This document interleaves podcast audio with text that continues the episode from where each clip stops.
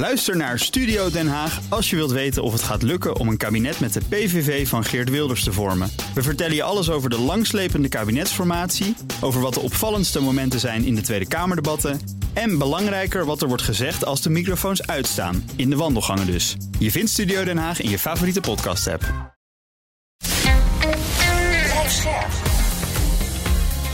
BNR Nieuwsradio. De nieuwe wereld. Annette van Soest.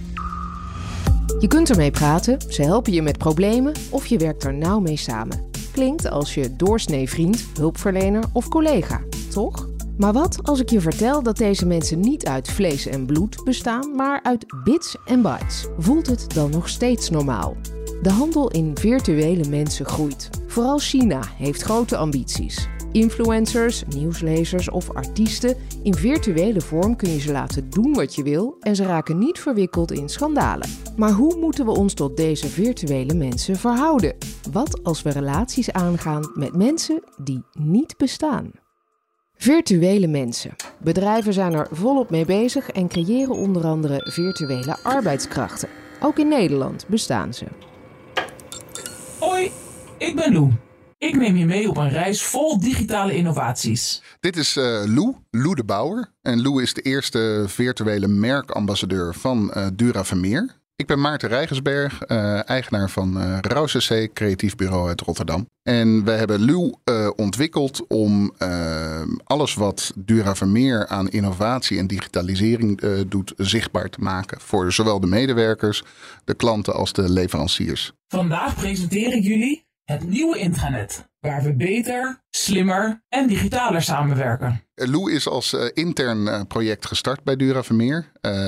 Zij hadden de vraag aan ons van... goh, wij doen heel veel met digitalisering en innovatie... maar op de een of andere manier krijgen we dat niet echt goed in, voor het voetlicht bij onze collega's. En kunnen jullie niet iets bedenken om dat eigenlijk continu daarvoor te zorgen? Nou, dat was het eerste idee van we doen een interessante PowerPoint of video. Maar ja, dat kijk je één keer en dan is het weg. Dus we hadden eigenlijk behoefte aan een soort van ambassadeur voor uh, digitalisering en innovatie. En dan denk je gauw aan een karakter. En we zijn dus een karakter gaan ontwikkelen ja, op de normen, waarden, de kernwaarden van Dura Vermeer. En uh, hij ziet eruit als een, eigenlijk een bouwrobot, want hij heeft keurig een helm op en een oranje vestje aan. En uh, het meest opvallende aan Lou is eigenlijk zijn hoofd. Want dat is een, een beeldscherm waarop we emoties en dingen kunnen tonen. Maar je noemt het toch een virtual human. Ja, dat is een het beetje. Het is een robot. Ja, ja. virtual humans zijn eigenlijk virtuele karakters met menselijke eigenschappen. En dat heeft Lou absoluut. Het is niet zozeer een virtual being. Dan, dan heb je het over een, een ei of een knakworst. Of in die zin een karakter wat je kan volgen. Dus ja, ik zou Lou wel als virtual human betitelen. Wat voor eigenschappen heeft hij? Nou, sowieso is hij gebouwd op de, de kernwaarden van, van Dura Vermeer. En dat zit in zijn karakter verweven. Hij heeft alle data van Dura Vermeer in zijn geheugen opgeslagen. Hij kan tijdreizen. en het is vooral een aangenaam, nieuwsgierig persoon met een, ja, een stukje gevatheid of humor uh, naar de mens toe. Naar de mensen toe, naar de echte mensen toe. Precies. Waarom ben je begonnen met het creëren van deze figuren? Omdat ik geloof dat technologie steeds persoonlijker wordt. En dat zie je aan bijvoorbeeld chatbots, voice-applicaties en misschien straks ook wel de metaverse. Je ziet dat uh, een, een, chatbot beter functioneert als er een karakter achter zit. Je, als je nadenkt over een voice-applicatie voor je bedrijf, moet je nadenken over wat is letterlijk de stem van je bedrijf.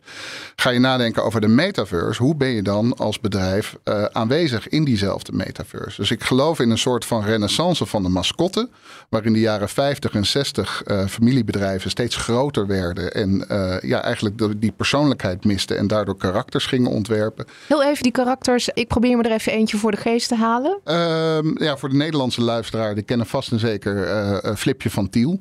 het, het, het, het beste Bramenmannetje. ja, van de ja, die had zijn eigen stripboekenreeks. je kon zegeltjes sparen. Dat was echt het karakter, de vertegenwoordiging van um, uh, de coöperatie van de verschillende fruittelers in Tiel.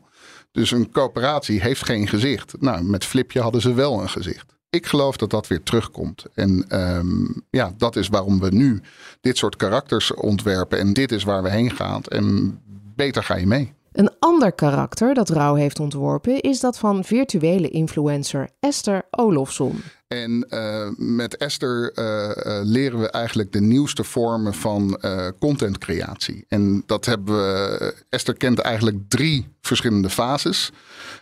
de eerste versie van Esther, dat deden we met deepfake. Toen moesten we een model fotograferen op een locatie. Die moesten we aankleden met een stylist en een fotograaf. En er kwam echt heel veel bij kijken. Uh, vervolgens hebben we een volledig 3D-model van Esther gemaakt, die we in een foto konden uh, monteren. Dus dat was al een stuk minder werk. Alleen waar we niet aan gedacht hadden, is dat we dan ook alle virtuele kleding uh, moesten ontwerpen. En Esther is nogal hip, dus dat was best wel wat werk. Dus Esther 2.0, ehm, ja, daar hebben we bijvoorbeeld geleerd hoe je virtueel, virtuele kleding maakt. En Esther 3.0, en dat is waar we nu zijn, daar um, uh, wordt Esther eigenlijk volledig gecreëerd door AI. Dus uh, we hebben een tool, uh, Stable Diffusion. Dat is een, een beeldcreatie-tool op basis van artificiële intelligentie. Die, dat hebben we getraind hoe Esther eruit ziet. En daarmee kunnen we dus door een prompt in te geven, een opdracht, kunnen we zeggen van, nou ja, geef me een beeld van Esther Olofsson in een kersttrui voor een kerstboom met pakjes eromheen. En dan ontstaat daar een, een beeld. En daar hebben wij eigenlijk niet of nauwelijks de hand in. Uh, Stable Diffusion uh, baseert zich op zo'n 6 miljard beelden van het internet. Uh, en daarop creëren ze nieuwe beelden. En dat is voor ons ja, machtig interessant, een soort van toveren. Ga je dit nou grote, op grote schaal toepassen voor bedrijven die zo'n virtueel mens willen hebben, medewerker willen hebben? Nou, dat hangt er, hangt er een beetje van af. Uh, want uh, bijvoorbeeld met Lou de Bouwer is dat nog niet zo relevant. Want Lou is altijd op echte plekken en echte locaties. En dan moet je gaan inpainten. En het kan allemaal wel. Dus waarschijnlijk zullen we wel stukken van die techniek gebruiken. Maar niet volledig op AI. Uh, voor Esther is het juist interessant dat we Esther de hele wereld over ja, kunnen laten. Maar waar zie, je, waar zie je de toepassing hiervoor? Um, nou ja, het is vooral de ontwikkeling van het creatieve vak. Dus um, uh, ik, ik weet nog niet exact waar dit, waar dit heen gaat. Wat ik weet is dat mijn creatieven nu een nieuw vak aan het leren zijn. Waar over een half jaar of een jaar of misschien wel over drie jaar de opdrachtgevers om staan te springen. Straks hoor je hoe virtuele mensen ook op andere manieren worden ingezet, bijvoorbeeld in de zorg. Maar eerst gaan we naar Joe van Buurik, tech-redacteur bij BNR en een fanatiek gamer. Want dat is precies waar virtuele mensen hun oorsprong vinden: in videogames. De plek die draait om het creëren van een andere wereld en digitale identiteiten. Dan heb je het echt al over uh, de, de hele tweede helft van de 20e eeuw. Eigenlijk wat we noemen AI-personages. Uh, uh, of non-playable characters, NPC's. Is eigenlijk alles wat jij kan tegenkomen in een virtuele uh, wereld. Of dat nou een ander mens is, of een, een, alien, of een ander wezen. Hey there, what can I do for you? You need something? Looking for something specific? Um, en, en die zijn uh, voorgeprogrammeerd, kunnen in principe niet voor zichzelf denken. Zullen ook dingen zeggen of doen die de makers van een spel bedacht hebben. Maar ze zijn wel bedoeld om jou bepaalde dingen mee te geven. Of om jou een bepaald gevoel te geven. Uh, en, en, met jou te interacteren. en daarmee is wel al decennia lang de basis gelegd voor wat we nu heel erg in het meer mainstream domein zien belanden. In de vorm van AI-toepassingen met een menselijk jasje. Om nog even bij die games te blijven. Je bent zoals gezegd een fanatiek gamer. En mm -hmm. er zijn ook sociale simulatiegames of social simulator games. Ja. Waarvan het doel is om met die AI-personages sociale interacties aan te gaan. Ja. Speel je die ook? Niet uh, bewust en opzettelijk. Toevallig is er één spel wat ik een tijdje geleden gespeeld heb. Uh, dat heet uh, Fire Emblem. waar wel heel veel nadruk is komen te liggen op inderdaad een groep virtuele mensen eigenlijk uh, uh, coachen en, en, en ze beter leren kennen en, en met ze uit eten gaan, met ze thee gaan drinken, vragen stellen. Um, en dat is wel met als bedoeling dat jij eigenlijk een, een, virtuele vriendengroep opbouwt en dat jij daar iets bij voelt. Vervolgens kun je dan in sommige games, zoals het voorbeeld van deze game, kun je ook met elkaar het, het, slagveld opgaan en daar meer succes boeken. Ja, maar er ja. zijn ook spellen die volledig draaien om gewoon die virtuele vriendenclub ja. managen. Hoe voelt dat dan? Voelt dat niet een beetje gek? Nou ja, als, je, als uh, doorgewinterd gamer ben je daar niet zo bewust van. Omdat je altijd al gewend bent geweest om met niet bestaande personages, virtuele personages, te interacteren. Uh, weet je, dat, dat is gewoon normaal. Maar als je daar uh, niet bekend mee bent, of je gaat er heel erg over nadenken, zoals wij nu eigenlijk aan het doen zijn in dit gesprek, dan denk je wel, goh, er zitten daar personages bij. Die ik met naam en liefhebberij en persoonlijke eigenschappen beter ken dan sommige van mijn vrienden. En dat is best wel gek. Ik, ik kan nu een naam en, en, en, en een eigenschap opnoemen van zo iemand die niet bestaat, maar die wel in mijn uh, belevingswereld zit. En, en met mij nog miljoenen anderen, want die kennen diegene ook uit een bepaalde game. En dat is eigenlijk best gek. We hebben het nu over virtuele identiteiten in games. Nou, is redelijk voor de hand liggend terrein. Waar worden ze in de analoge wereld al toegepast? Uh, nou, je ziet al wel bedrijven die een uh, virtuele assistent inzetten of een uh, virtuele stagiair. Sterker nog, de afgelopen maanden zijn daar ook wat verhalen van naar buiten gekomen in de Amerikaanse media. Um, je kan met AI een, uh, een fotorealistische foto genereren van een mens dat niet bestaat. Je kan met AI die teksten laten genereren alsof die menselijk is en zo, omdat die zo overkomt. en daarmee heb je bijvoorbeeld een virtuele stagiair of een virtuele medewerker. Um, en dat kan dan zo overtuigend worden ingezet dat jij daadwerkelijk denkt als jij contact hebt met bedrijf X. Nee, dat is gewoon hun stagiair. Die heeft een naam, die heeft een foto, die, die beantwoordt mijn berichten. Maar dat dat geen echt mens is. En, en, en dat we daar nu op zitten, dat dat soort diensten ook worden aangeboden aan bedrijven. Ja, om eigenlijk te doen alsof ze personeel erbij hebben wat geen echt personeel is, niet van vlees en bloed. Uh, dat is een nieuw businessmodel. En dat is wel even schrikken, want uh, het feit dat dat dus al wordt ingezet uh, en dus ook meer bedrijven dat zullen doen, zeker naarmate de ontwikkeling met AI zo hard gaan, zorgt er wel voor dat we ons nog wel dingen moeten afvragen. Ja, wat is het verschil met een, een chatbot die we al veel langer kennen? Nou ja, bij een chatbot weten we, dit is een chatbot. En die, ja, die benader je op een bepaalde manier, misschien efficiënter, weet je, daar, daar heb je het idee, ik hoef geen rekening te houden met normen en waarden, met dienstgevoelens, want het is een chatbot.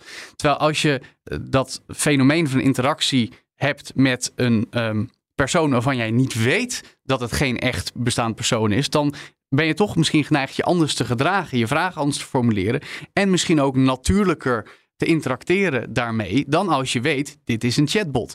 Dus het is eigenlijk een slimme manier om iemand te doen denken dat hij door een mens geholpen wordt, terwijl dat misschien helemaal niet zo is. En dat is toch best misleidend. Zou je dat niet moeten zeggen als uh, bedrijf? Ik denk dat er op het moment simpelweg nog geen wetgeving voor is. Omdat dit gevalletje is, de techniek gaat daar zo hard dat daar nog geen rekening mee gehouden wordt vanuit de politiek. Um, ja. Er wordt ongetwijfeld over nagedacht. Ook als je kijkt met bijvoorbeeld de AI-act, waarin Europa heel hard over wordt nagedacht. Um, maar dan nog is het de vraag of je daarmee um, de ontwikkelingen voor bent. En of misschien een nog breedschaligere adoptie van virtuele assistenten waarvan je niet doorhebt dat het SEC een virtueel uh, personage is, of dat niet harder doorzet dan, uh, dan we, waar we rekening mee houden. Ja. Waar verwacht jij dat de grootste groei zal plaatsvinden? Uh, ik denk op de korte tot middellange termijn vooral in de, in de dienstensector. Als het gaat om uh, ja, het verder automatiseren van de klantenservice, simpel gezegd.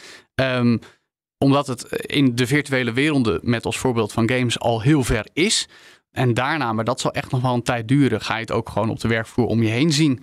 Uh, dat bepaalde medewerkers uh, uh, van vlees en bloed niet meer nodig zijn, omdat dat ook door AI overgenomen kan worden. Maar ja, of je die dan echt ziet zitten als een fysiek gestalte, of dat dat sec virtueel is en, en in je machine zit, dat zal ook moeten blijken. Want mensen vinden het uiteindelijk toch fijner om iets in de fysieke ruimte om zich heen te hebben dan alleen maar op hun computer ermee bezig te zijn. Bedrijven zullen in de toekomst dus steeds meer gaan leunen op niet bestaande werknemers. Want ja, het is ook een simpele kostenbesparing. Maar zullen virtuele mensen ook op grote schaal echte mensen gaan vervangen? Uh, naarmate de tijd vordert uh, meer en meer.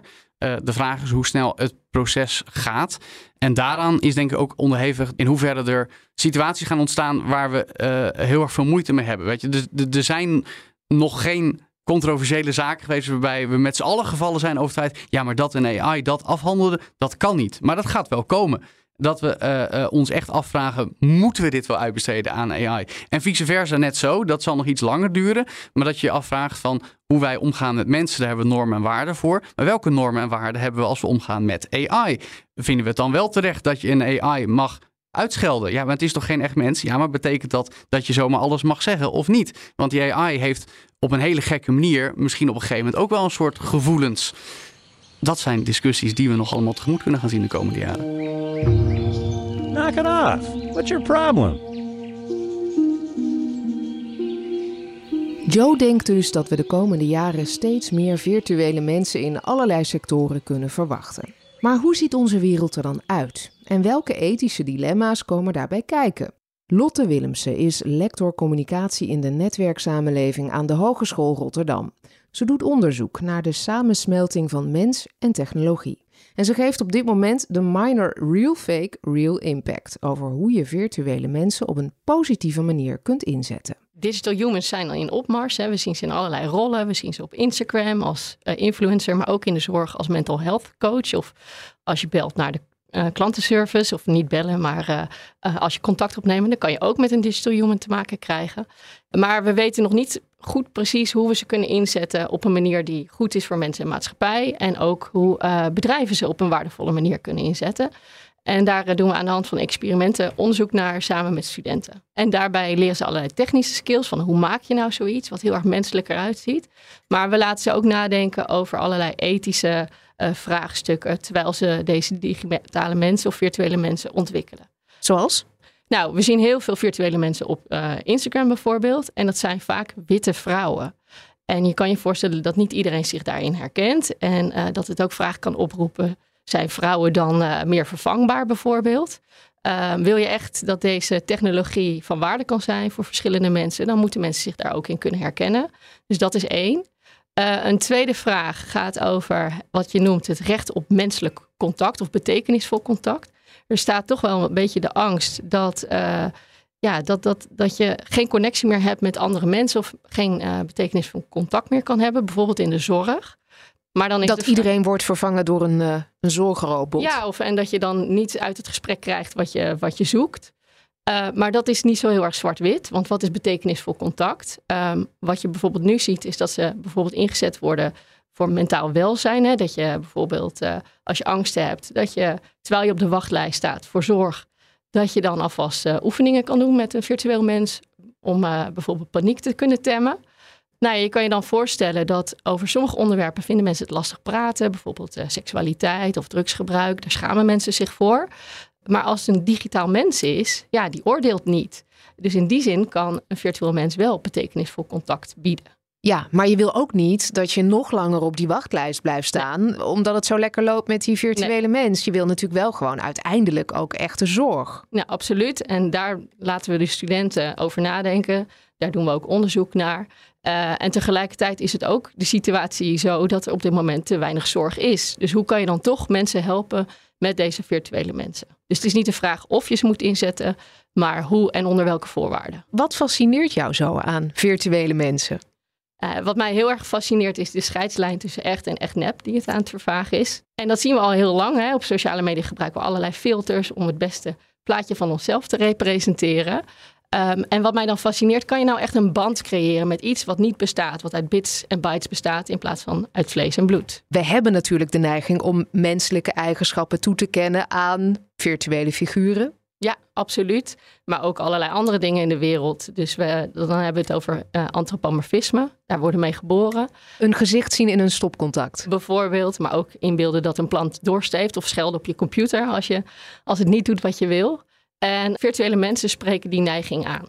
Dus daardoor kunnen wij een band ervaren met iets wat niet bestaat. Waar komt dat vandaan dat we dat willen of dat we dat doen? Nou, het is niet zozeer dat we het willen, maar we doen het eigenlijk automatisch, vaak onbewust, zonder dat we het doorhebben.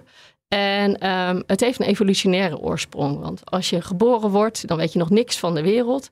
Maar je weet wel dat je andere mensen nodig hebt om te kunnen overleven. Uh, dus ons brein is een beetje scherp afgesteld dat iets wat maar ook menselijk lijkt, dat we denken, hé, hey, dat vertrouwen, we moeten aandacht uh, gaan trekken. Dat betekent voor baby's dat ze gaan huilen, zelfs als ze bijvoorbeeld twee stipjes en een streepje zien, uh, wat lijkt op een gezicht, maar het niet echt is. Als je het hebt over antropomorfisme, ja dan uh, maakt het eigenlijk niet uit of iets er heel echt uitziet. Nee, klopt. En dat vinden we ook in ons onderzoek. Dus in ons onderzoek gingen we na van wel, hoe geven mensen nou betekenis aan deze virtuele mensen, uh, aan of het nou echt is of nep. En het maakt dan niet eens zozeer uit hoe realistisch het is. Uh, wat wel uitmaakt is hoe menselijk het lijkt in termen van gedrag. Dus op Instagram zie je bijvoorbeeld virtuele mensen die een kopje koffie drinken en daar zichtbaar van genieten of aan een bos bloemen ruiken. Um, en dat geeft heel erg een menselijke ervaring, omdat we ons kunnen herkennen in dat gedrag.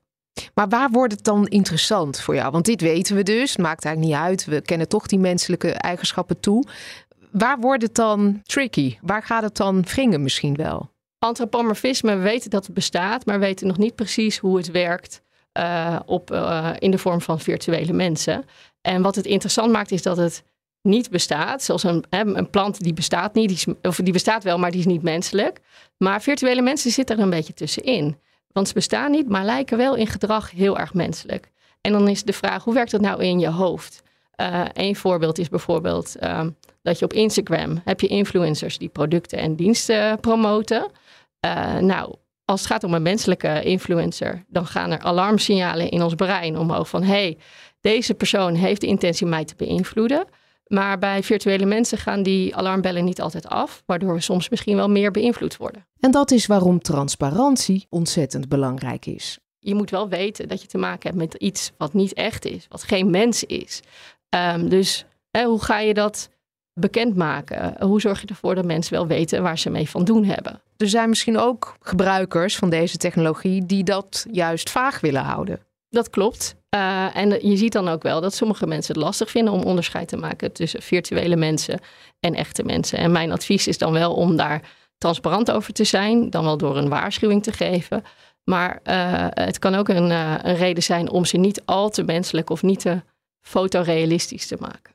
In sommige gevallen zie je inderdaad het verschil eigenlijk niet meer tussen echt en nep. Maak je je daar ook zorgen over? Nou, ik denk dat we ons dus heel erg goed moeten afvragen uh, onder welke omstandigheden je het dus fotorealistisch maakt. En hoe je dus mensen bewust maakt van het feit dat dat kan. En daar zijn al wel beleidsmakers al uh, wel mee bezig. Moet je bijvoorbeeld disclosures geven? Dat zijn eigenlijk van die waarschuwingen, bijvoorbeeld op sociale media, om mensen te informeren dat dit niet een echt persoon is. Ja. En ik, ik juich dat alleen maar toe. Deze technieken worden ook gebruikt of kunnen ook worden toegepast om uh, desinformatie te verspreiden, om uh, mensen te manipuleren, democratieën te destabiliseren. Ja, absoluut. En uh, daarom is het dus nu het moment om na te denken hoe we mensen bewust gaan maken dat deze mensen er zijn, virtuele mensen er zijn. en ook kritisch laten nadenken van wat zijn de intenties hierachter. Uh, dus dat vraagt eigenlijk ook om mediawijsheid. Hè? Dat mensen bewust zijn van wat er gebeurt in de media en welke technieken er worden ingezet. En uh, wat voor uh, motieven daarachter schuilen om je te beïnvloeden, bijvoorbeeld. Ja, want regelgeving zal dit niet stoppen. Nee, en regelgeving is ook relatief langzaam. Hè? Vaak nadat een, een, een, lange poos nadat er iets is geïntroduceerd, ontstaat pas wetgeving. Um, dus ik denk dat het heel goed is voor makers zelf om hier al bewust over na te denken. En dat is ook iets wat we in een minor meegeven aan studenten om vanuit dit ethische perspectief hier naar te kijken. Hoe ziet onze wereld eruit als we op grote schaal omgaan met virtuele mensen? Ja, dan gaan we meer samenwerken met uh, personages uh, die niet echt zijn. Uh, en dat kan voordelen hebben en dat kan nadelen hebben. We zien het nu al hè, met ChatGPT. Dat mens en, en, en, en machine met elkaar samenwerken. En dat gaan we dus op grotere schaal zien in de toekomst. Wanneer vind je dat je ze wel kan inzetten en wanneer niet? Um, nou, bijvoorbeeld als echte mensen niet voorhanden zijn, maar toch wel uh, uh, hulp nodig hebben, bijvoorbeeld. Ik noemde net het geval dat je op de wachtlijst staat voor de zorg, um, maar dan ondertussen wel een programma kan volgen met een virtueel mens. Uh, om duidelijk te krijgen wat je hulpvraag bijvoorbeeld is. of om ademhalingsoefeningen te doen als je last hebt van paniekaanvallen. Uh, dus dat zijn mooie voorbeelden van virtuele mensen. En een ander mooi voorbeeld is dat je ook uh, replica's ziet van echte mensen um, die wel bestaan, maar dan is er, van een is er een virtueel personage van gemaakt. En die kunnen bijvoorbeeld uh, mooie verhalen vertellen die ons laten nadenken. Bijvoorbeeld overleden personen uit de, uit de geschiedenis. Um, die dan bijvoorbeeld vertellen hoe het was in die tijd om te leven en wat toen speelde. Dus ook voor educatieve doeleinden kan het heel erg waardevol zijn. Wat betreft uh, de inzet van uh, virtuele mensen in bedrijfsleven, nou dan is het echt belangrijk dat mensen betrokken zijn bij de ontwikkeling van die, uh, van die technologie. En dat je ook gaat nadenken, niet alleen maar over de vraag hoe kun je een virtuele mens zo menselijk mogelijk maken. Maar ook hoe kunnen we ervoor zorgen dat de mensen die interacteren met die virtuele mensen niet aangetast worden in hun menselijkheid. Dus dat ze bijvoorbeeld altijd de keuze hebben om te spreken met een echt mens. Als ze niet vinden wat ze zoeken of als ze niet geholpen zijn door zo'n virtueel mens. Tot zover de nieuwe wereld. We zijn er weer volgende week maandag om half vier of wanneer je wil in je podcast app. See you later.